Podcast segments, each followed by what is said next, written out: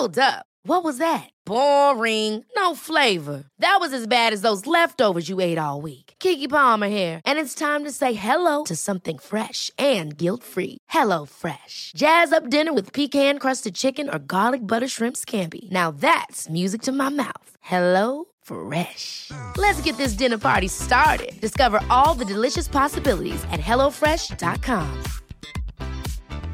Quality sleep is essential. That's why the Sleep Number Smart Bed is designed for your ever evolving sleep needs. Need a bed that's firmer or softer on either side? Helps you sleep at a comfortable temperature? Sleep Number Smart Beds let you individualize your comfort so you sleep better together. JD Power ranks Sleep Number number 1 in customer satisfaction with mattresses purchased in-store. And now, save 50% on the Sleep Number limited edition Smart Bed for a limited time. For JD Power 2023 award information, visit jdpower.com/awards. Only at a Sleep Number store or sleepnumber.com.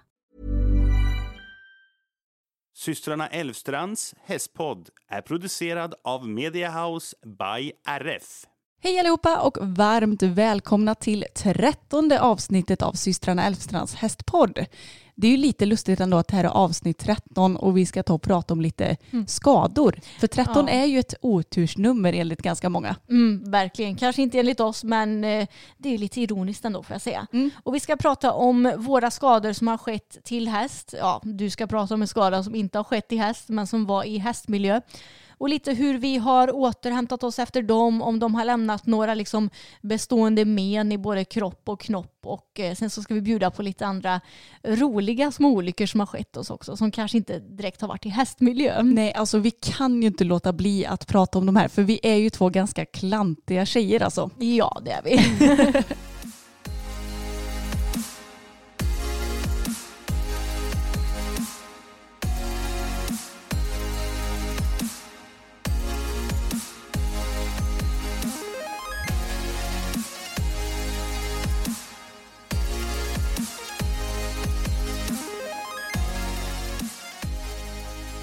Sen vi snackade sist så har ju inte jättemycket hänt. Men här på gården så har vi anordnat en öppen bana som vi för övrigt ska ha nu till helgen igen. Så är ni intresserade så kan vi lägga en liten länk i beskrivningen vart ni hittar info sådär. Men det har ju varit superpopulärt. Ja, alltså jag, jag visste ju att det var så här, eh, vad ska man säga, hög efterfrågan på öppen bana nu. Men jag trodde aldrig att det skulle komma så många hit. Alltså det har varit fullt alla dagar och vi arrangerade under tre dagars tid ska ju tilläggas. Mm, och jag vet inte ens hur många det blev som red här i slutändan. Nej. Men det många. var många. Ja, jätteroligt verkligen. Och därför bestämde vi oss för att ha en till som sagt. För vi brukar normalt sett anordna pay and jumps en gång i månaden under sommarhalvåret. Och det är ju liksom en, ja vad ska man säga, trygg inkomst för mm. oss som är egenföretagare.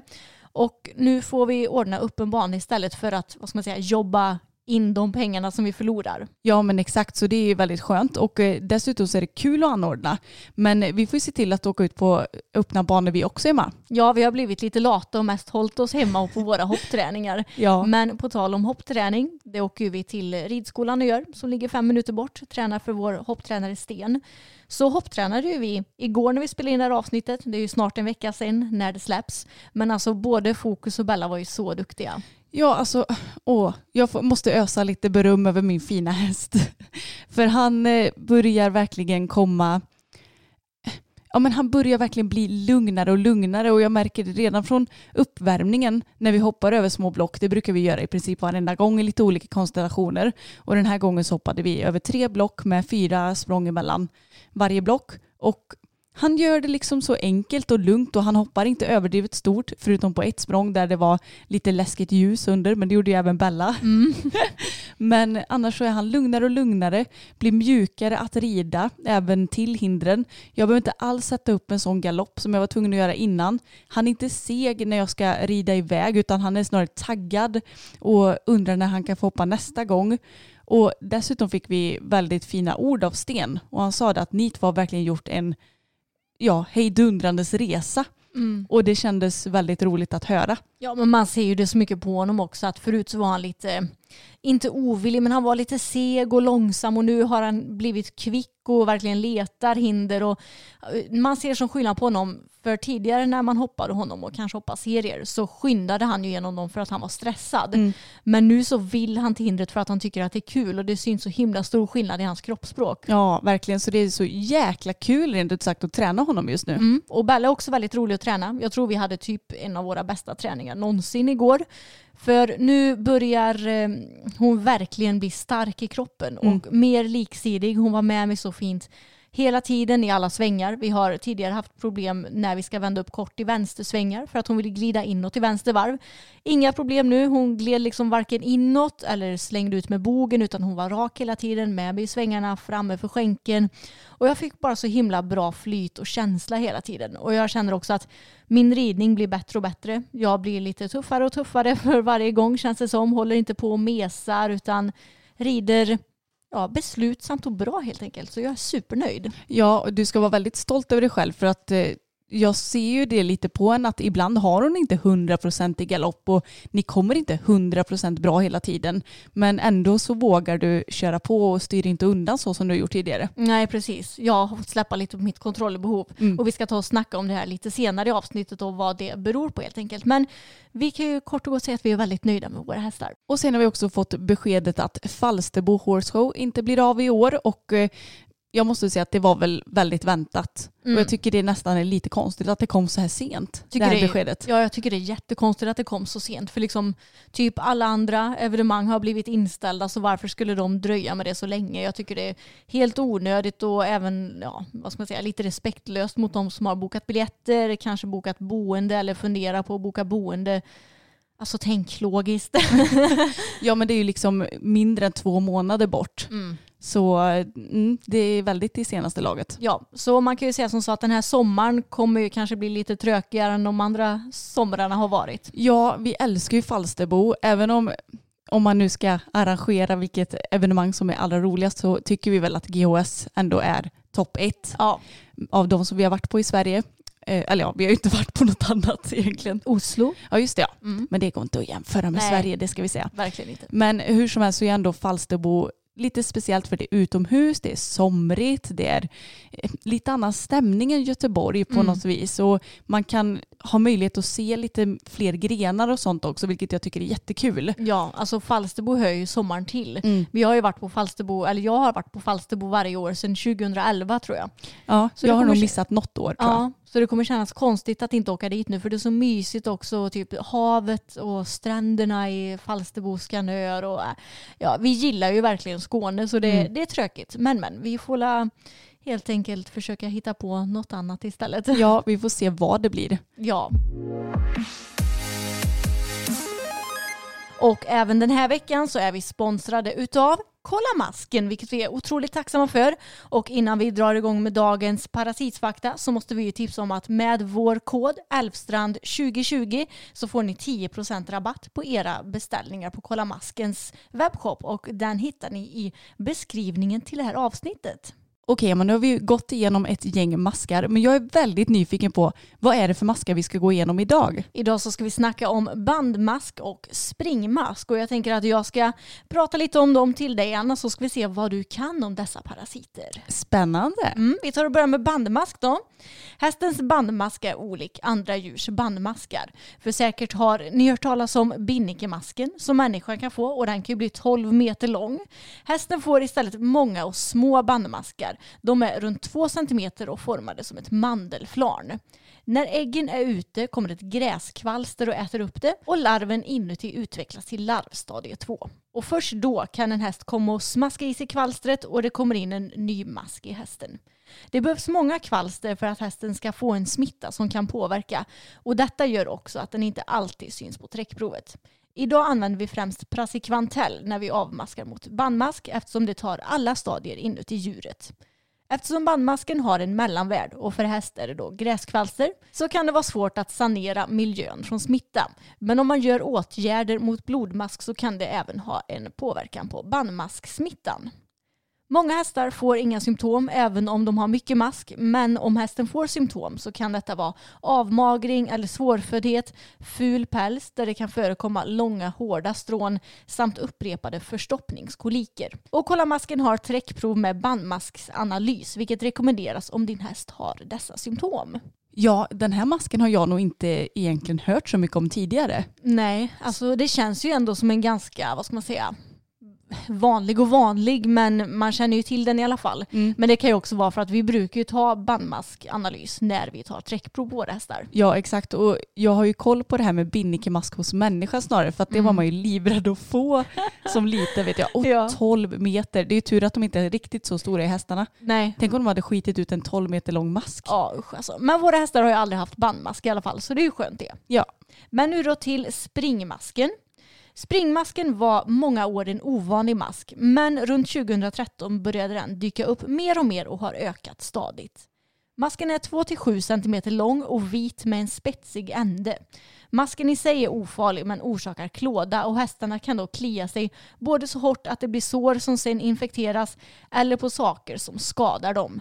Hästarna lyfter ofta undan svansen för att komma åt och klia och det blir sår vid bärbensknölarna. Masken lever i ändtarmen och honan sticker ut sin stjärt ur hästens rumpa och droppar en vätska som är full med ägg. Man kan se detta som en gulaktig beläggning om man ser det innan hästen kliar bort den. Äggen trillar ner på marken när hästen gnuggar rumpan och ofta kliar de sig på krubba, foderbord eller väggen och sen lägger vi foder strax under och hästen tuggar i sig smittan igen. En fördel med det här är att smittan ofta är begränsad till en box. För att bli av med springmasken behövs både avmaskning med ett medel som normalt inte används till vuxna hästar, axilur, och en rejäl sanering med skrubbning eller ångtvätt. Inte högtryckstvätt och detta kan sprida smittan till ett större område. Masken har en lång livscykel, så 3-4 månader efter första behandlingen är det dags att hålla utkik efter maskar eller symptom. Den här masken ser man lätt i bajset, både för att den är vit och ganska stor. Ibland kan det vara svårt att se skillnad på en stor springmask och en liten spolmask. Så om du hittar en mask man inte är säker på vad det är kan du alltid skicka in den i en liten påse med några droppar vatten, inget bajs, till Vidilab så görs en artbestämning utan att det kostar mer än portot. Springmask ligger som tillägg eftersom den sällan syns i vanliga grundanalysen. Så om hästen kliar rumpan, sällan svansen då utan själva rumpan, så kan det vara värt att lämna med ett prov för springmask som tas med ett tejpprov. Då tar du en genomskinlig tejpbit 10-15 cm lång och duttar runt analöppningen. Sätt sedan tejpbiten på något rent och hårt som en bit plastficka och labbet måste kunna ta bort tejpen utan att underlaget följer med. Spännande. Det här är också en mask som jag inte hört så mycket om. Men det är antagligen för att vi inte haft några sådana problem. Mm, jag tror det också. Men när, eh, när det beskrivs hur de här maskarna ser ut så minns jag väldigt tydligt på GHS hur de såg ut i sina burkar. Ja, det gör verkligen jag också. Och eh, det här med att de, honan sticker ut stjärten genom analöppningen, det låter så himla obehagligt. Eh, Tänk för hästarna att det kliar så i stjärten och så kan de liksom inte riktigt klia. Ja. Åh, stackarna. Så jobbigt. Tage han kliar ju svansen väldigt mycket. Mm. Inte själva stjärten då. Nej, precis. Men jag är ganska säker på att vi har eh, tagit prov för springmask också för att utesluta det här. Det har vi gjort och, Mm. och jag tror att han snarare är lite känslig mot typ mygg och sånt där. Så Ja. eh, det det är ingen mask som stör honom som tur är. Nej, och vi har ju för övrigt eh, precis tagit träckprov på våra hästar och fått resultat på det. Mm. Och det var precis som det har varit de senaste åren, liten blodmask, inte på alla hästar. Boppen han är helt, helt ren så att säga. Ja, men han har varit det hur länge som helst eller? Ja, alltså han har varit det i så många år. Ja. Men de flesta, eller alla andra hästar hade antingen väldigt lite liten blodmask eller måttligt. Mm. Så några stycken behöver avmaskas. Så det är skönt att eh, ha kollat upp det nu. Tack så jättemycket till Kolla Masken för att ni är med och sponsrar oss. Och innan vi går in på våra lite större olyckor så måste vi ju bara prata om några konstiga och roliga händelser som hände när vi var barn. För vi pratade med mamma igår och då började vi snacka om sådana här roliga händelser och vi skrattade så mycket verkligen för Mm. det har hänt lite knasiga grejer och grejer där antingen vi har skadat oss eller ja, något lite annat. Så jag tänker att Anna kan inte du börja med att berätta om din lilla kattincident? Ja, alltså det här måste ju vara något av det sjukaste som har hänt mig. För det är något som man inte tror kan hända. Jag och min kompis Elina, vi hade alltid följe till skolan vi var yngre och gick på samma skola. Och eh, cyklade tillsammans. Och så cyklade vi på vägen och det kommer en katt och springer. och jag stannar såklart för den här katten. Men då satte den sig ner och stannade några meter innan mig. Och jag bara, jaha. Man vet ju hur katter beter sig liksom. Ibland kan de ju sitta i en evighet och bara glo. Så jag Ja. bara, ja men eh, du har väl bestämt dig för att sitta här. Ja. Så jag tänkte att, ja men då kan jag ju cykla vidare för den sitter ju ändå där. Men nej, det var ju bara att då började den ju röra sig i samma sekund som jag började cykla. Så som tur är så har jag inte hunnit få upp någon vidare fart. Men framhjulet på min cykel träffar katten på sidan vid revbenen typ. Så den jabar till och springer upp för kyrkan där vi bor, eller där vi bodde när vi var små. Och, eller ja, vi bodde inte i kyrkan, ska tilläggas. Men vi cyklade förbi kyrkan i Ja. Vara. Och alltså jag fick så fruktansvärt dåligt samvete. För även om jag, jag hade inte träffat den i fem kilometer i timmen ens tror jag.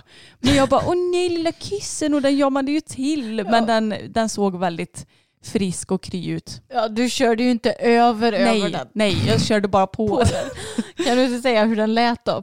Miau.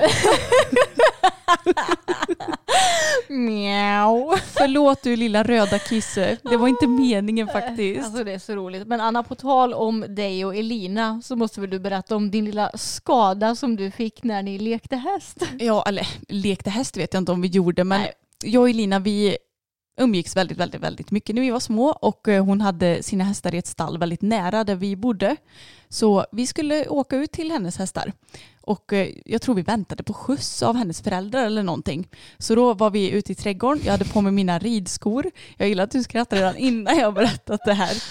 Och eh, hästnördig som man ju då både var och är så galopperade jag runt lite i Linas trädgård. Lyckas trampa snett med mina klumpiga stålhätteridskor. Vrider om mitt knä så det bara knakar i det. Och faller handlöst ner på deras gräsmatta.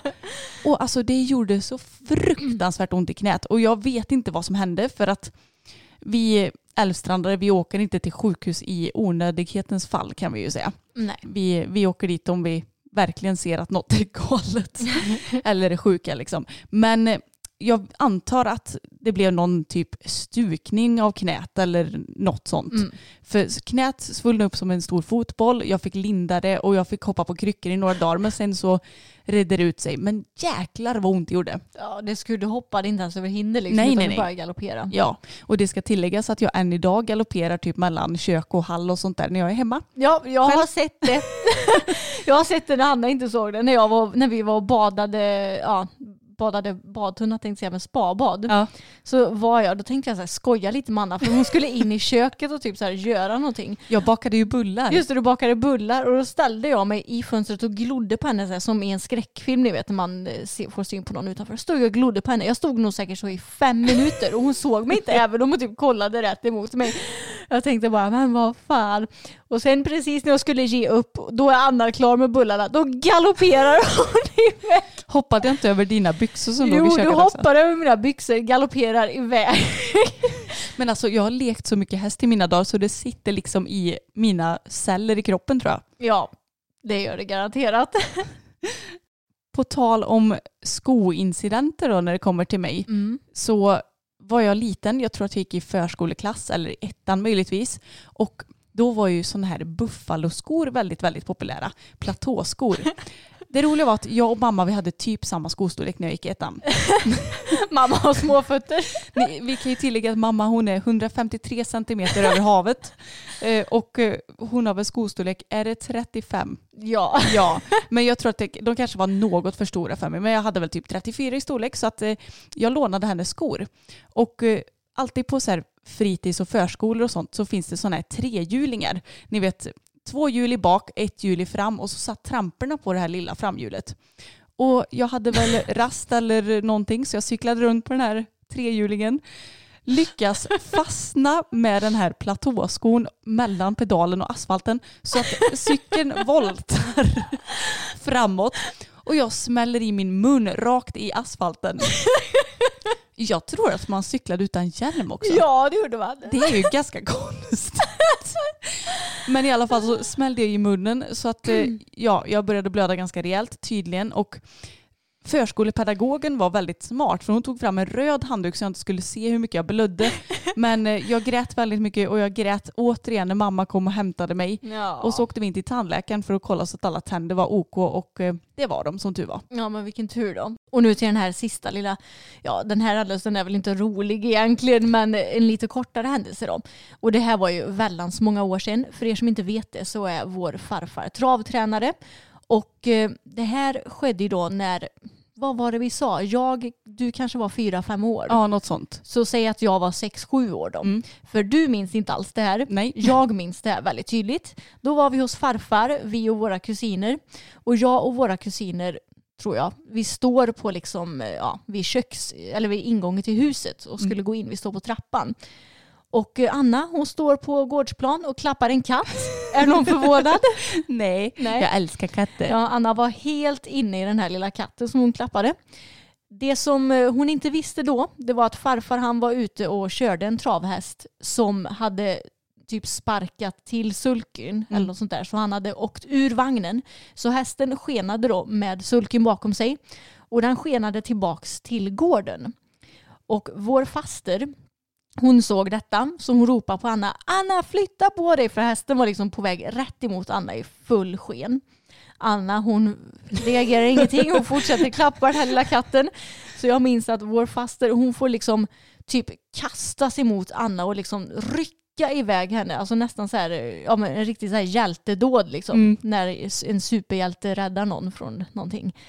Och sen kommer den här hästen och om inte vår faster Mia hade liksom flyttat på Anna och bärt iväg henne då hade den sprungit rätt över henne. Ja. Eh, Alltså undrar vad, hur mycket skador jag hade fått då. Ja, verkligen. Och tyvärr så gick det inte alls bra med den här hästen tror jag. Den sprang in i någonting på gården och skadade sig ganska ordentligt. Så det var ju lite traumatiskt eh, säkerligen att se, men du minns ju inte det här. Nej, det, det är kanske är därför jag inte minns det för att det blev så sån himla chock. Ja, Antagligen. Und, undrar hur det gick för katten? Ja, kissen. Men den borde ju varit klok och sprungit iväg Ja, kan man tycka. det, det tror jag att den ja, gjorde. den, den kanske hade lite mer koll än mig. Ja. Ja, vi får ju säga tack till Mia. Jag, jag, jag måste säga tack Mia för jag har ingen aning om att det här har hänt. Men eh, du har ju uppenbarligen räddat mig från massa skador. ja. Men då är det ju dags för våra lite mer ordentliga skador som vi har fått. För både du och jag har ju tillbringat lite tid på sjukhus för diverse olyckor. Jag har ju några hästrelaterade. Du har ju aldrig skadat dig ordentligt på hästryggen Anna. Näpp. Jag har ändå ridit i, är det 18 år? Har vi konstaterat det nu? Ja. Mm. Och eh, aldrig, peppar peppar, jag tar i trä, Mm. eh, aldrig skadat mig. Nej. Inte ens en, ett litet sår tror jag. Nej. Det, det värsta jag har fått det är ridskav vid, vid eh, vaderna. Ja. Typ så. Nej men eh, lyckligtvis aldrig skadat mig. Men däremot så har jag lyckats skada mig under GHS. Mm, precis. Jag tänker att vi ska ta och börja snacka om en av mina skador så vi Mm. tar det lite i kronologisk ordning. För jag har ju skadat mig så jag har varit inne på sjukhuset tre gånger efter olyckor till häst. Och den första olyckan skedde 2011 i april när jag ramlade av boppen och bröt min överarm. Och eh, det skedde då på en hoppträning hos vår hopptränare Therese som ju har gästat oss i ett tidigare avsnitt med en något värre ridolycka än vad vi ska prata om idag kan ju tilläggas. Men i alla fall, jag minns på den här träningen att eh, jag hade inte alls någon bra känsla för Boppen är normalt sett en sån här som eh, är lättreglerad, går fram när man ber honom om det, går tillbaks när man ber honom om det, väldigt framme för skänken, lätt att få en bra känsla på. Men han hade en dålig dag den här träningen. Mm. Han li- liksom var inte alls framme för skänken. Och sen skulle vi då hoppa bana vet jag. Vi hade hoppat fram och det hade inte känts bra. Men så skulle vi höja upp hindren, hoppa bana. På den här tiden så tränade jag på banor på typ ja, 1,20-1,30. Mm. Och nu hade Therese lagt upp en bana som låg på 1,20 och så skulle jag rida an första hindret som var en oxer som stod mitt på långsidan. Liksom inget hinder framför och inget hinder efter. I höger eh, sväng kommer jag ihåg, eller höger varv. exakt. I höger galopp mitt på långsidan. Och då kommer jag emot det hindret. Boppen är inte alls framme för skänken och jag lägger honom så dåligt. Du vet när man försöker verkligen trycka av hästen och han bara nej det här går inte så han Mm. stannar. Jag rider i t-shirt ska tilläggas för det var i slutet på april och det var ganska varmt ute. Jag flyger av. Jag tror att jag ligger typ på mage om jag minns rätt. Mm. Med armarna liksom framför mig i ja, 90 graders vinkel typ. Och eh, just då så känner jag ingenting. Jag bara, oh, okej det här gick nog bra. Sen vänder jag mig om till vänster och får syn på min vänstra arm. Och då märker jag att oj, det här var ju inte så bra. För då ser jag att liksom benet sticker ut ifrån armen. Inget öppet brott, men jag ser att benet buktar liksom ut. Så. Ja, så du har typ en knöl på armen eller? Ja, jag har en knöl. Alltså det var ett solklart liksom benbrott kan man säga. Man ser att armen är helt av och då får jag väl säkert lite panik och börjar skrika och sådär. Och inser att eh, ja, det gör ont också. Mm. Eh, sen så producerar kroppen mycket ja, adrenalin när en sån här sak händer och det är ju eget smärtstillande för kroppen vilket Mm. var tur för jag hade nog inte så ont som det egentligen borde göra. Och sen hade jag också tur för jag tränade tillsammans med en tjej som var sjuksköterska och hennes mamma som också var sjuksköterska. Så de hjälpte mig. Eh, och de sa väl inte direkt att de sa att antingen så är armen av eller så har axeln hoppat ur led. Men jag tänkte att nej det är inte axeln som hoppat ur led, det är Nej. armen som av. Men de ville väl säga det bara för att eh, ja, inte vara liksom, Lugna dig lite. Ja, Mm. och inte vara helt säker liksom. Mm. Så fick de och pappa hjälpa mig upp. Jag kunde liksom absolut inte ha armen rätt ner utan jag var ju tvungen att hålla i den i 90 graders vinkel för det gjorde ju det hela lite mindre ont. Ringer någon, någon ambulans? Nej, nej. Det är klart man inte gör det. Vi var i Herrljunga och tränade och eh, hade hästarna uppstallade på ridskolan i Vara. Så det vi gör då det är ju att vi får plocka av boppen alla grejer och lasta in honom i transporten. Sen lasta in mig själv i bilen.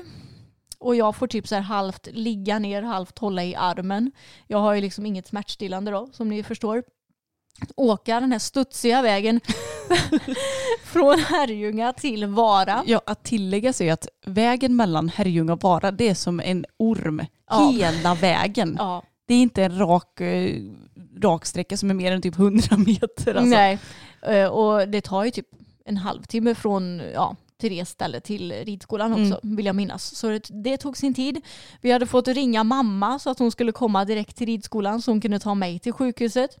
Så då hade vi först en halvtimmes resväg från Therese till ridskolan och sen en halvtimmes resväg knappt från ridskolan till sjukhuset i Lidköping. Och väl där så är vi då på akuten och eftersom ja, det var liksom ganska solklart vad det var för fel på mig så fick jag komma in snabbt vet jag och träffa någon först sjuksköterska och sen en läkare i något rum. Eh, och jag har ju fortfarande inte fått något smärtstillande då ska tilläggas. Mm. Och sen säger de att ja, vi ska ta och stödgipsa armen. Vill jag minnas. Ja, vi ska, vi ska ta och stödgipsa armen innan du får röntga dig. För att det skulle hjälpa mig då tydligen. Men ja, det gick ju inte sådär görbra för här kommer ju då min första svimning vet jag. jag satt på en bänk. Eh, den hade liksom inget ryggstöd och så skulle de försöka gipsa min arm när jag satt upp. Men det gick inte för jag ramlade liksom rätt baklänges ner i golvet. Och det här, alltså, jag minns ju att jag svimmar men det gjorde inte ont eller något sådär för jag var ju medvetslös liksom. Mm. Sen får mamma och den här läkaren upp mig och bara oj nej vi får nog lägga dig i sängen och gipsa. För jag kunde inte sitta upp för jag svimmade ju med en gång. Ja. Antagligen av både smärta och trauma skulle jag gissa på. Så sen har jag fått den gipsad. Och sen så, men herregud, alltså jag minns så dåligt. Men jag tror att jag skulle eh, röntgas efter det här antar jag. Mm. Och har ju då som sagt fortfarande inte fått något eh, smärtstillande. Så låt mig säga som så att det gjorde för jävla ont att röntgas. Det tar ju Mm. lite tid, man ska ligga liksom rätt ner på eh, ja, en bänk. Jag var still också. vara still, hålla armen stilla. Men, men det gick ju bra och vi kan för övrigt eh, lägga upp de här röntgenbilderna på vår Instagram så ni ser hur min arm var av. För det var ju överarmen och den var helt av och det var ett antal graders vinkel i den. Sen efter det så får jag då komma upp till själva ja, ska man säga, sjukhusavdelningen där jag ska bo över natten. För vid den här tiden så visste de inte om jag skulle opereras eller inte. De skulle konsultera med läkarna i Skövde tror jag ifall jag skulle behöva opereras. Så då fick jag sova över natten då. Och hade ju då bara ett eh, vanligt eh, ja, gips. Och det roliga är att jag hade ingen mitella. Utan jag fick gå och hålla i min arm hela tiden. Men skojar du med mig? Nej, alltså de gav mig ingen mitella. Och jag, det var ju liksom första gången jag bröt någonting. Mm. Och jag har inte brutit något efter det heller, peppar peppar. Men jag hade ingen aning om att jag skulle ha en mitella liksom. Så jag fick gå och hålla i min arm hela tiden. Och eh, sen så tror jag att när innan jag skulle gå och lägga mig så skulle jag gå på toan. Mm. Och då, fick ju, då var mamma med och så var även en eller ett par sjuksköterskor med. Men det gick inte så bra för jag svimmade ju när jag satt på toaletten. Då kom min andra svimning. Enligt mamma så blev en av de här sjuksköterskorna jätte, alltså hon fick typ panik. Men gud vad är det som händer? Ja, hon blev väl helt skärrad. Ja och mamma bara, men det är ingen fara, hon har bara svimmat. så ja, efter det fick väl de hjälpas åt att få mig tillbaks till sängen då. Och eftersom jag typ svimmade så fort jag ställde mig upp så fick ju de typ, ifall jag behövde gå på toa och kissa så fick de ja, ta dit en sån här ni vet, liten stol som det är en potta under. Ja, precis. Mm. Men sen hade jag ju ett till litet problem då. Vet du vad det är?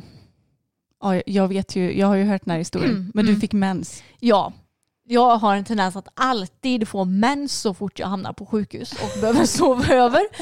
Så jag hade ju mens också. Och det ska ju då tilläggas, som sagt, jag hade min arm inte i mitella utan var tvungen att hålla i den. Så när jag behövde byta tampong då fick jag liksom gå till en eh, handikapptoalett. Eh, Jag hade dörren upplåst ifall jag skulle svimma. Eh, Någon sjuksköterska bara, vill du ha hjälp att stoppa i tampongen? Jag kände, nej det känner jag mig inte riktigt bekväm med. Så det ville jag nog försöka själv. Så då fick jag liksom sätta upp min vänstra arm på det här stödet som Mm. finns på handikapptoaletter. Och sen fick jag liksom använda bara min högerarm då för att ta in och ut tampongerna. Och eh, jag var ju livrädd att armen skulle liksom trilla ner. Oh, ja. För då hade jag garanterat svimmat och det hade gjort så fruktansvärt ont. Det gjorde ont även så här. Men det funkade. Men kunde inte sjuksköterskan komma och hålla i din arm åtminstone? Då? Ja, jag vet inte. Nej. Nej, så det var ju lite krångligt men det gick bra. Men först, eh, ja, kanske säg fem, sex timmar efter att jag hade brutit armen, först då fick jag ju smärtstillande morfin. Och det var ju skönt men jag hade ju fortfarande ont hela tiden. Mm. Eh, och sen dagen efter så hade de fortfarande inte bestämt sig för om jag skulle opereras eller inte vet jag. Men då hade de tänkt att jag skulle duschas ifall jag skulle opereras. För om man ska opereras så ska man tvätta sig själv med en, ja det är väl någon sorts speciell tvål. Mm. Det har väl du gjort Anna? Yes. Ja. Så det var planen. Men det gick ju inte så bra för jag svimmade ju igen. Tredje gången. Du bara svimmar hela tiden Emma. Japp, så fort jag stod på benen så svimmade jag i princip. Eh, Så då svimmade jag typ när jag var naken också. Även den här gången inne på toan. Och sen fick de typ bära tillbaka mig till min säng igen och ge upp det här med att jag skulle tvättas då. Mm. Men sen efter det, då fick jag sova ännu en natt. Så jag sov på sjukhuset två nätter, sen fick jag åka hem den tredje dagen vet jag. Och först när jag skulle åka hem, då fick jag min mitella. Alltså det är så jäkla märkligt rent Mm. ut sagt. Varför har du inte fått den tidigare? Ja, jag fattar inte. Jättekonstigt verkligen. Men det som de gjorde misstaget då, det var att de skickade hem mig utan något smärtstillande. Nej. Jo, de glömde typ fixa recept på det. Ja. Så jag hade ju skit. Ever catch yourself eating the same flavorless dinner three days in a row? Dreaming of something better? Well, HelloFresh is your guilt free dream come true, baby. It's me, Gigi Palmer. Let's wake up those taste buds with hot, juicy pecan crusted chicken or garlic butter shrimp scampi. Mm.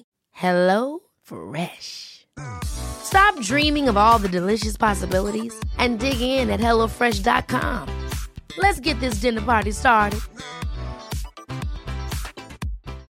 Millions of people have lost weight with personalized plans from Noom, like Evan, who can't stand salads and still lost 50 pounds. Salads, generally, for most people, are the easy button, right? For me, that wasn't an option. I never really was a salad guy. That's just not who I am. But Noom worked for me. Get your personalized plan today at Noom.com. Real Noom user compensated to provide their story. In four weeks, the typical Noom user can expect to lose one to two pounds per week. Individual results may vary. Skitont! Tydligen enligt eh, ja, den ortopeden som jag hade sin så ska överarmen vara typ det ondaste benet du kan bryta i kroppen. För att det är så mycket nerver där och det är ett väldigt tjockt ben också. Mm. Och jag kan ju säga att ja, det gjorde fruktansvärt ont. Speciellt dagarna efter. Det var inte så farligt precis när det skedde. Och när jag var på sjukhuset och fick morfin sprutat i mig så gick det ju ganska bra. Mm. Men det var när jag kom hem sen som det gjorde jätte, jätteont. Och jag tror att det var några dagar efter att jag hade kommit hem från sjukhuset. Då hade jag ju fortfarande gips på mig. Men jag hade fått reda på att eh, jag skulle inte opereras för att det var inte så pass stor vinkel att det skulle behövas. Utan istället så skulle jag få en sorts skena som jag då egentligen kunde ta av och på armen när jag ville. Och att tyngdkraften skulle läka mitt brott. Och det tyckte jag ju lät som en väldigt bra idé. För eh, jag var ju lite skraj för att operera, skraj för att sövas och sådär. Som säkert många är. Så då fick jag åka till Skövde och få en skena utprovad och sen så hade jag den i totalt åtta veckor tror jag det var. Mm. Det var ändå ganska länge. Och det funkade ju bra men jag kan ju säga som så att idag ångrar jag att jag inte opererades. Mm. För jag har fortfarande en vinkel i min arm. Vi kan lägga ut bild på det här också. Så om jag håller liksom båda mina armar rakt framför mig då är min vänstra arm liksom helt böjd och jag kan inte hålla den helt rakt. För att mitt överarmsben är liksom, vad ska man säga, felplacerat. Och det är klart att det stör mig inte sådär jättemycket men jag märker att jag får liksom lite svårare att hålla min vänstra arm uppåt när jag ska rida. För den vill gärna lägga sig lite till sidan liksom. Och även när jag gör vissa övningar på gymmet. Jag har skitsvårt för att göra enarmsövningar med vänsterhanden för att det blir helt konstig vinkel och det stämmer liksom inte alls. Så det är ju lite, lite störigt att jag inte hade mer kunskap då och kunde stå upp för mig själv men också kanske att läkarna hade kunnat tänka på konsekvenserna. Mm. Och de första nätterna hemma var ju så otroligt jobbiga för eh, även om jag hade fått smärtstillande så hade jag så ont när jag skulle sova. För då låg jag ner ja, men bara i min vanliga säng utan att ha någon lutning. När jag sov på sjukhuset så sov jag ju halvsittandes liksom. Och eh, anledningen till att det gjorde så ont det var ju för att armen hamnade i fel vinkel.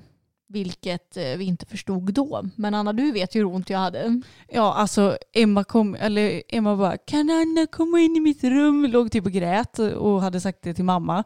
Och så när jag kommer så säger hon bara, det gör så ont, jag får panik, jag vet inte vad jag ska göra. Alltså jag förstod ju att du typ ville lämna din kropp.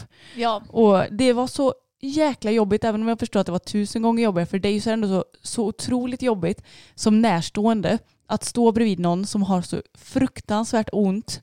Så jag vet att jag bara grät och bara, det kommer bli bra.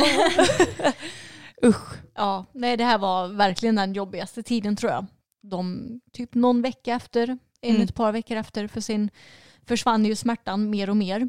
Men då när jag var inne på sjukhuset nästa gång, då sa de att jag ska sova ja, men typ halvsittandes. Mm. Så jag fick sova i en solsäng. Tog vi in i mitt rum så fick jag sova halvsittandes. Jag kan säga att det hade inte gått idag, för jag får ju sömnparalyser så fort jag liksom sover på rygg.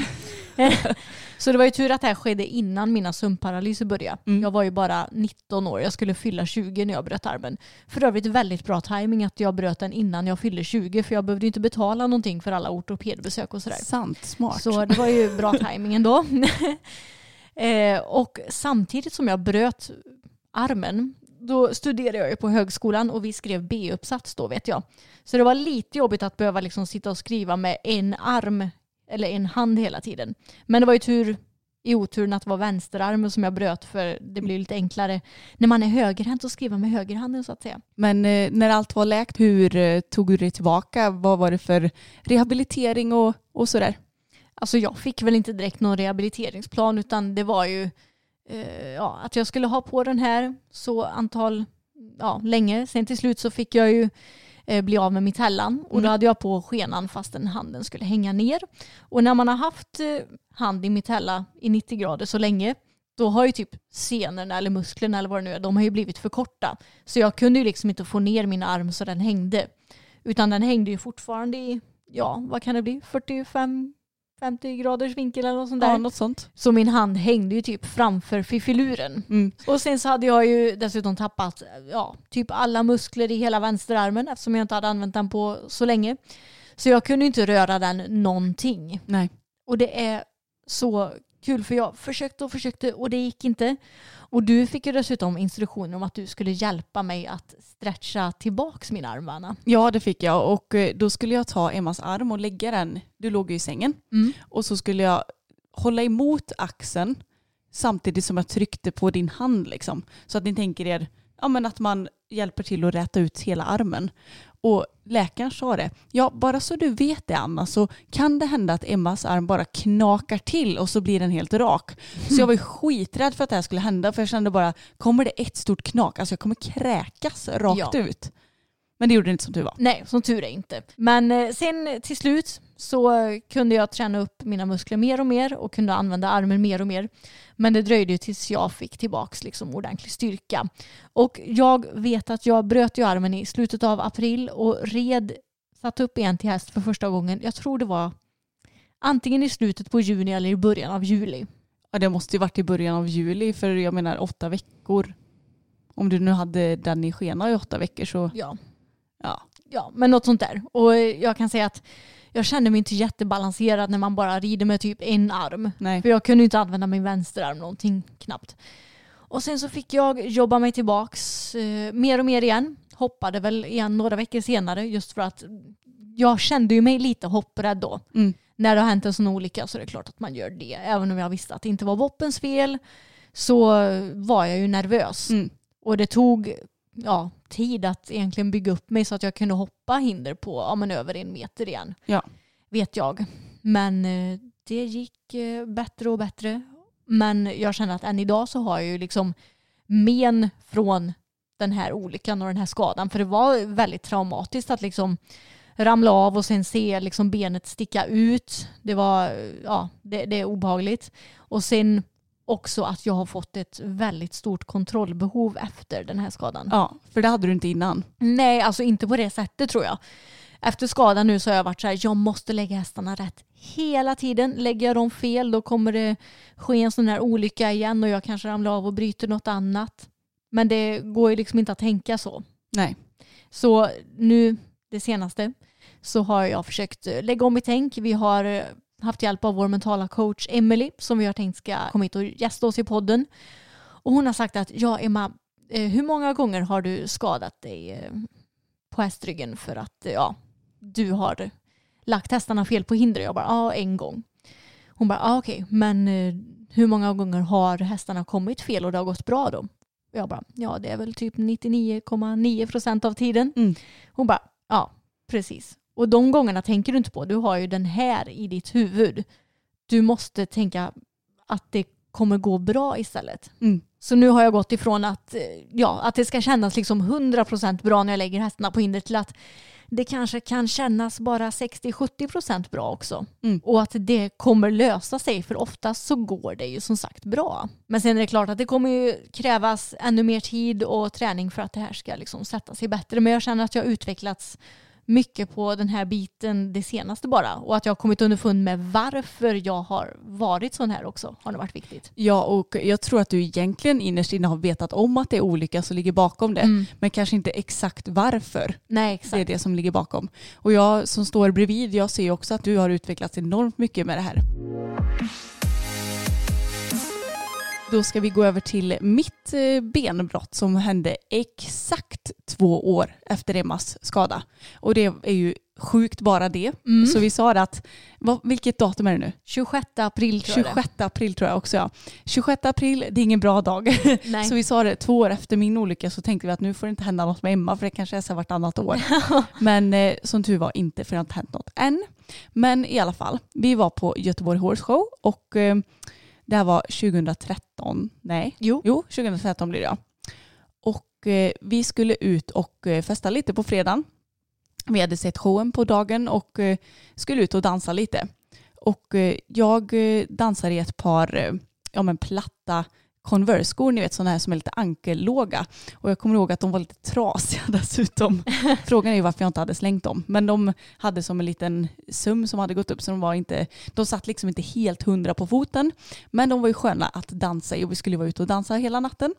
Så jag eh, dansar på dansgolvet och lyckas på något vänster glida med min fot längs heltäckningsmattan som var. Vi var väl i Gotia Ja, precis. eh, på det festlokalen eller vad det nu Mm. är för någonting. Fastnar i heltäckningsmattan samtidigt som jag trampar snett.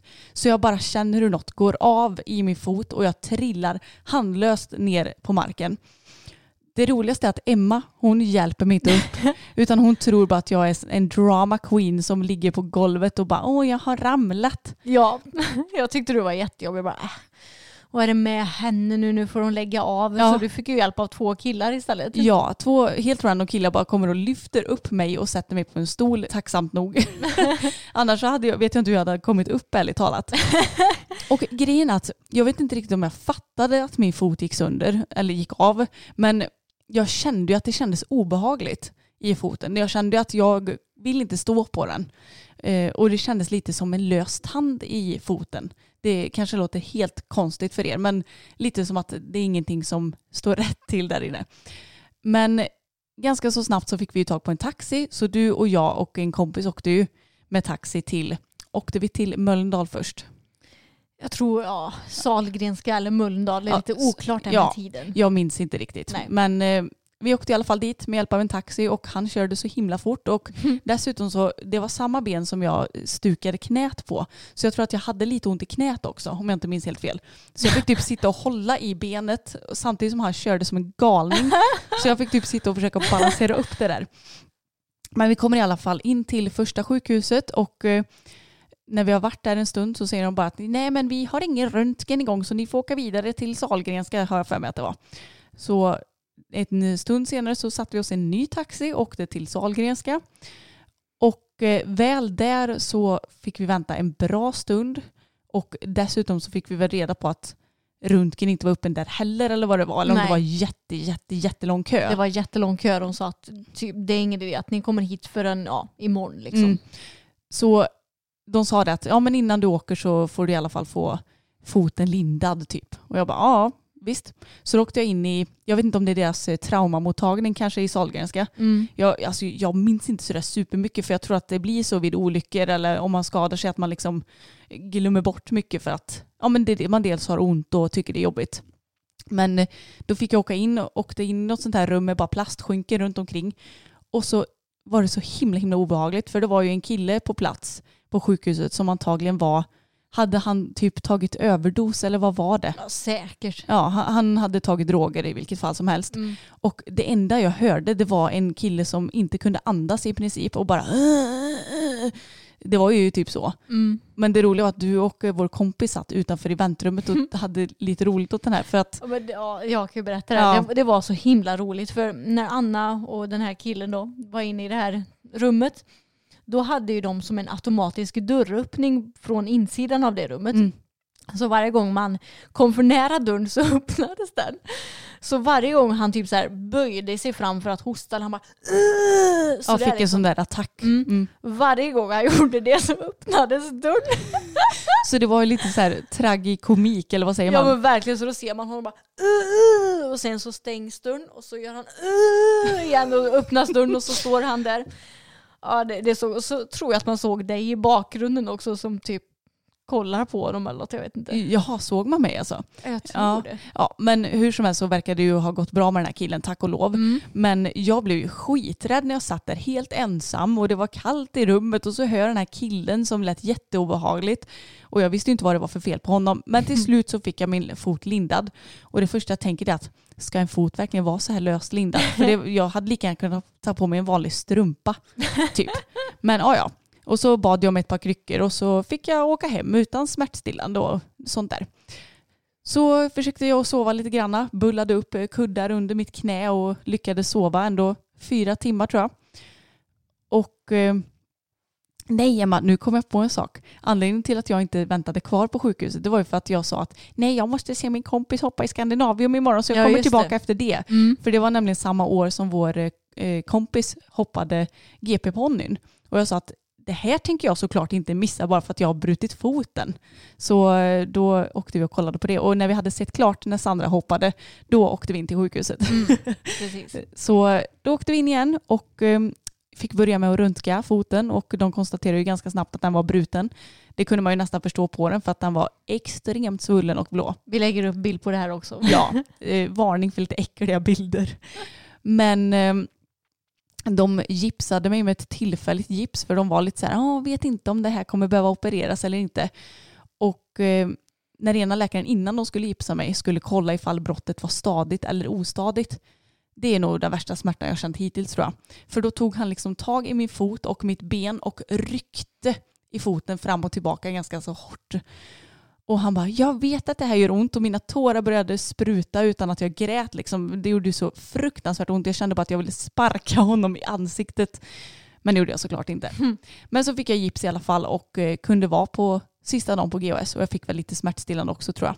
Ja. Och du fick en rullstol dessutom. Jajamän. Ifrån GHS ska tilläggas. Ja, alltså så himla hjälpsamma och vi fick ju handikappplatser och allting. Mm. Så eh, skadar man sig under GHS så vet man att man hamnar i bra händer ändå. Ja, det var väldigt gulligt. Mm. Men sen så blev du opererad också när vi kom hem. Ja, det blev jag. Och ehm, det dröjde väl inte sådär jättelänge när jag fick operationstid. Men det roliga var att när jag väl skulle åka in på operationen så trodde jag att det bara var en konsultation.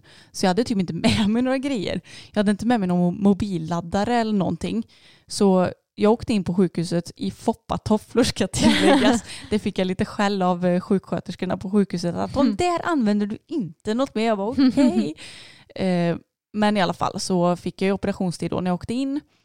Och eh, jag var skiträdd för att jag har aldrig någonsin behövt bli sövd eller opererad. Jag har på min höjd liksom behövt ta lite sprutor typ. Aldrig varit sjuk på det viset eller skadad. Så jag var jätte, jätte, jätterädd. 20 år gammal var jag väl då ja. Mm. Och eh, bad att mamma skulle vara kvar. jag är en liten morsgris kanske. Ja. Men eh, jag fick en jätte, jättegullig narkossköterska som eh, var jättepositiv och glad och sa att det här är inga problem, det här gör vi ju massa gånger och jag bara jo jag vet men det är det här med att tappa kontrollen alltså. Mm. Det är så obehagligt men eh, när jag väl gjorde det så var det ju ingen fara och det var ju ärligt talat ganska skönt för man sov ju väldigt bra. men eh, operationen gick bra och eh, jag vaknade upp superdrogad. Så jag fattade typ ingenting. Tydligen så hade jag frågat efter mamma det första jag gjorde när jag hade vaknat upp från narkosen. Så hon hade fått komma in i operationssalen och säga hej. Och hej då för hon åkte hem sen. Och eh, så skulle jag precis efter att jag hade opererat så skulle jag gå på toa för det ska man tydligen göra för att se så att kiseriet fungerar. Och det tog sån tid. För dels så sov väl kroppen och så hade jag väl lite ont och så skulle man sitta på en toalett med konstigt ben och allt vad det var. Men det lyckades jag ju till slut att göra med. Och sen fick jag ligga på uppvak och då vaknade jag väl var femte minut av att de skulle ta blodtrycket med en sån här maskin. Men eh, jag var ju, jag var så borta med alla droger i kroppen så att jag somnade jättefort igen.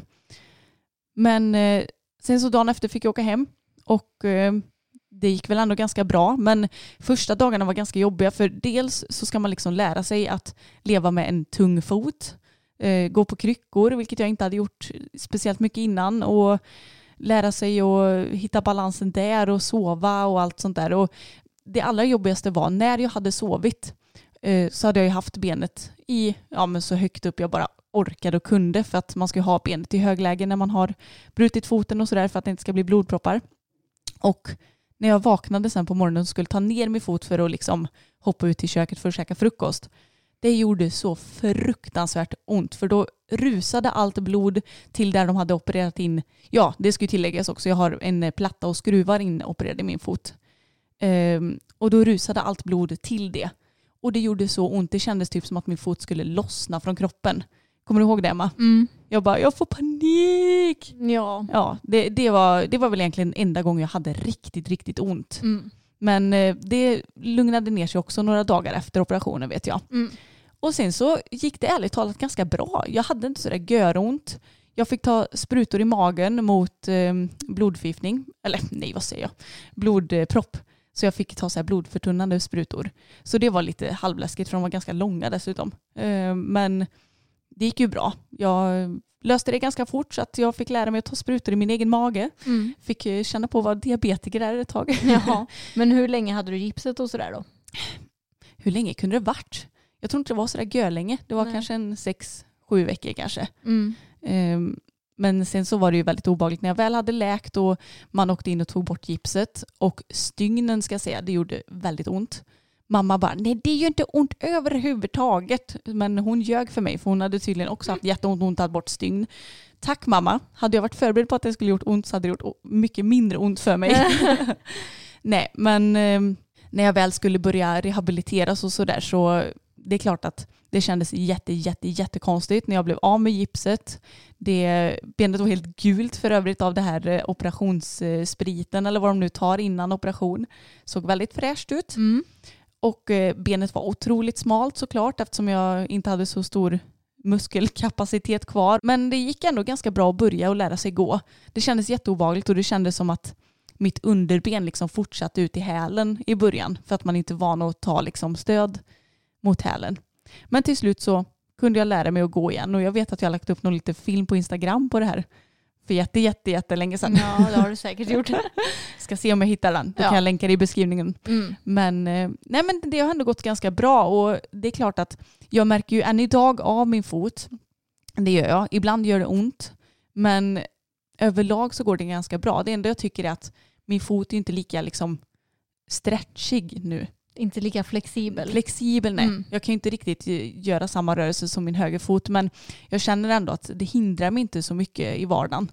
Så det är väldigt skönt. Mm, vad skönt.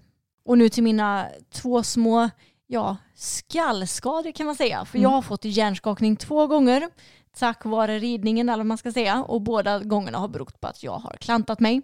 Den ena gången när jag fick hjärnskakning för första gången så skulle jag sitta upp på boppen igen, typ för första gången efter att han hade varit skadad.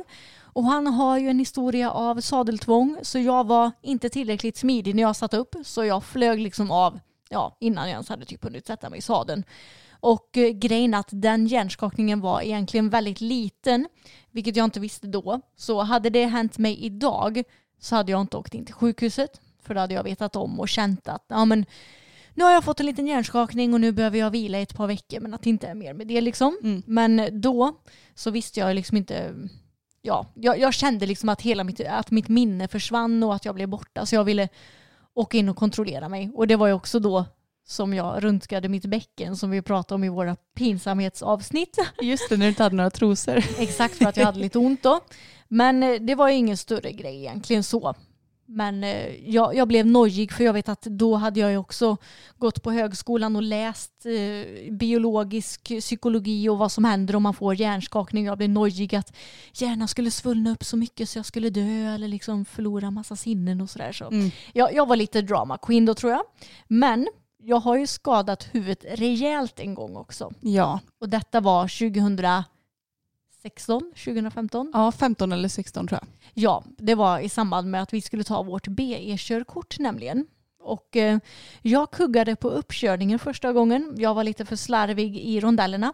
Så det här var då samma dag som jag skulle köra om.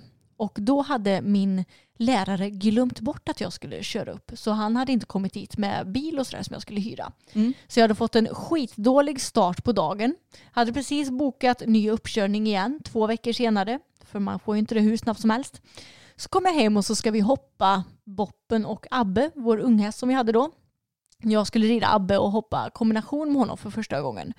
Och då tänkte jag att ja men det är väl bra om han får lite draghjälp av Boppen som är stabil.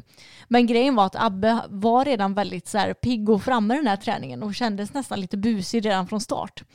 Så vi kommer på den här kombinationen. Det räcker, räcker med ett språng emellan tror jag. Mm. Och han hoppar så stort på första hindret så jag tappar balansen. Och sen typ känns det nästan som att han bockar i det galoppsprånget mellan hindret. Mm. Och sen hoppar han jättestort över andra hindret också.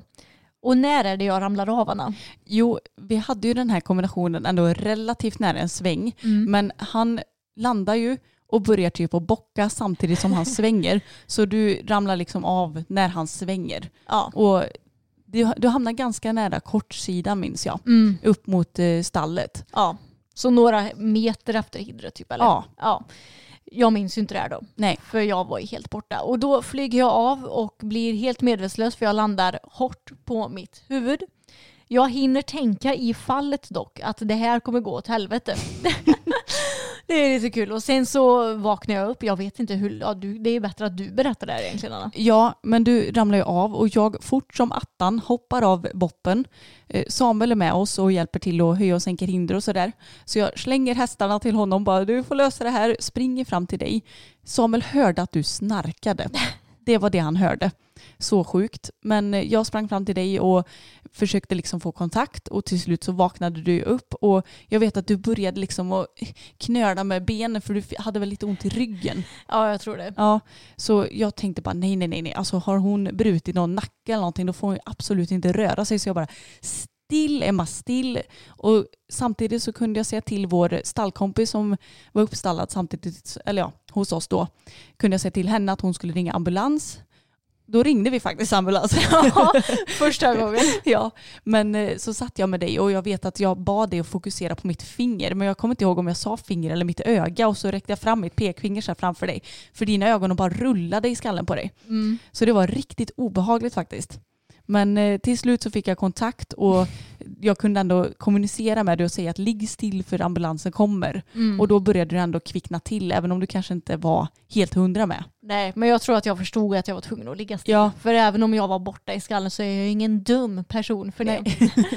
ja, men sen, de kom snabbt Ja, ambulansen. de kom jättefort. mm. Så de måste ju typ haft på blåljus och sådär kan jag tänka mig. Ja, och de var nog säkert i närheten också tror jag. Mm, jag tror det med. Och då fick ju jag dels på nackkrage med en gång och sen så pumpade de upp en, alltså det är typ som en uppblåsbar madrass nästan runt hela mig för att Mm. stabilisera min ryggrad. Så jag kunde liksom inte röra mig någonting och så fick jag eh, åka ambulans till sjukhuset i Lidköping. Fick nog någon vätska insprutad i mig så att jag inte skulle må illa också. Och sen på sjukhuset så röntgar de mitt huvud och eh, ja, för att kontrollera dem. Och jag har ju fått en rejäl hjärnskakning konstateras det. Men jag vet på röntgen så såg de också att jag hade någon, eh, något annat okänt vad ska man säga, föremål i hjärnan. Ja, något typ förändring eller Ja, något. någon förändring i hjärnan. Eh, Men mer om det sen.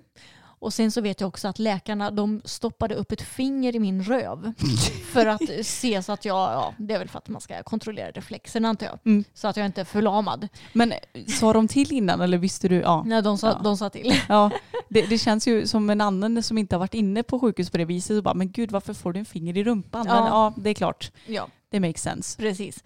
Eh, Men det var inga problem, ingen nacke bruten, ingen rygg bruten, bara en riktigt ordentlig hjärnskakning. Mm. Jag får sova över där och återigen, har mens, woho! Såklart! Nej, så jag får sova över där i ett rum med massa tanter som håller på och snarkar så jag sov säkert inte så bra.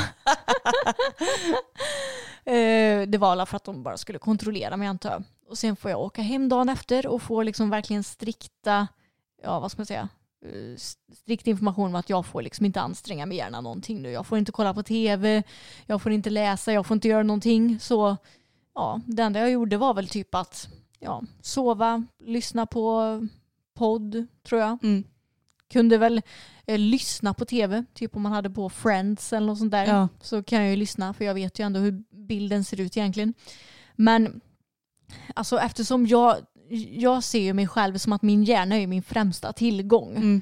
Så jag tog de här uppmaningarna på stort allvar ändå. Sen var ju då bara problemet att jag hade bokat in en ny uppkörning två veckor senare. Mm. Men jag hade ju liksom körförbud i två veckor. Jag fick ju inte köra bil på två veckor. Inte heller rida på två veckor och sådär vet jag. Så jag hade nog inte kört bil i princip en enda gång innan jag skulle köra upp igen. Men det gick bra den här gången som tur var. Så det var en mycket positivare Emma två veckor senare trots det som hade hänt. Ja, det var det. Mm. Men på tal om den här förändringen då som man såg på röntgenbilderna, då var jag tvungen att åka in och göra en magnetröntgen Mm. några veckor senare. Och det visade sig att eh, det inte var någon fara, det var bara någon normal kalkförändring. För de, man vet ju inte, det hade ju lika gärna kunnat vara en hjärntumör liksom. Ja, precis. Så då tänkte jag det är väl klart som fan att jag ska få en hjärntumör. Men eh, peppar peppar, ingen hjärntumör här än utan bara en eh, kalkförändring. Men mitt tips till er är att har ni ramlat av, alltså vänta lite grann med att hoppa upp igen för när du får hjärnskakning, alltså ja, om det inte blir som jag då så att man blir helt medvetslös med en gång. Mm. Men som när jag fick min första hjärnskakning så tog det nog ändå typ två minuter innan jag märkt att min skalle var borta eller vad man ska säga. Ja precis, så uppmaningen att hoppa upp så fort man bara kan, Mm. eh, det är ju inte riktigt sant utan man får Nej. ändå känna efter så alla delar är på plats och så hjärnan faktiskt är som den ska. Precis. Och om man har någon medhjälpare med sig, så, eller om man är medhjälpare själv så är det jättebra att fråga vilken dag det är, vad människan heter, var den bor. Alltså att man ändå frågar enkla frågor som den kan glömma bort. Mm. Ja. I synnerhet dagar och sånt där. För det, du hade ju ingen aning. Du frågade ju Nej. flera gånger vilken dag det var. Ja, Mm. alltså man glömmer bort, man, man tappar verkligen allt minne typ. Mm. Det, det är lite läskigt men samtidigt så är man medveten om det så vet man ju vad det beror på liksom. Ja, och det kommer ju tillbaka. Ja, det gör det. Men det är ju bra om man inte får för många hjärnskakningar. Så jag Mm. får försöka att vara lite rädd om mitt huvud i framtiden. Ja, och något som ska tilläggas också det är att Ridsportförbundet, tror jag det är, har en sån här hjärntrappa som är väldigt bra. Om man har fått en hjärnskakning, hur länge man ska vänta med vissa saker och när det är okej att börja med vissa saker. Jag ska se om jag hittar den så tänker jag att jag länkar den i beskrivningen också för det är väldigt bra att ha. Med tanke på att det här avsnittet blev ganska så innehållsrikt i sig så tänker vi att vi skippar veckans snackis den här veckan. Ja, vi kan ta ikapp det nästa vecka istället. Ja. Men vi har ju tänkt snacka om fatshaming och kroppshets inom ridsporten också Anna. För det blir ju ganska aktuellt nu när det snart är sommar och många blir nog ännu mer vad ska man säga, medvetna om sina kroppar då tror jag. Ja men precis, när, man ändå, när det börjar bli strandhäng och sånt där så blir man ju mer och mer kroppsmedveten. Så jag tänker att det blir ett väldigt intressant avsnitt Mm. och eh, nyttigt kanske. Ja men verkligen, det tar vi nästa vecka och då blir det mycket snackisar kan man ju säga. Mm, verkligen. Men allt som vi har pratat om i dagens avsnitt hittar ni som sagt nere i beskrivningen och eh, våra bilder på röntgenbilder och grejer det hittar ni på vår Instagram som ni också hittar nere i beskrivningen. Tack så mycket för att ni har lyssnat så hörs vi igen nästa vecka. Det gör vi. Hej då!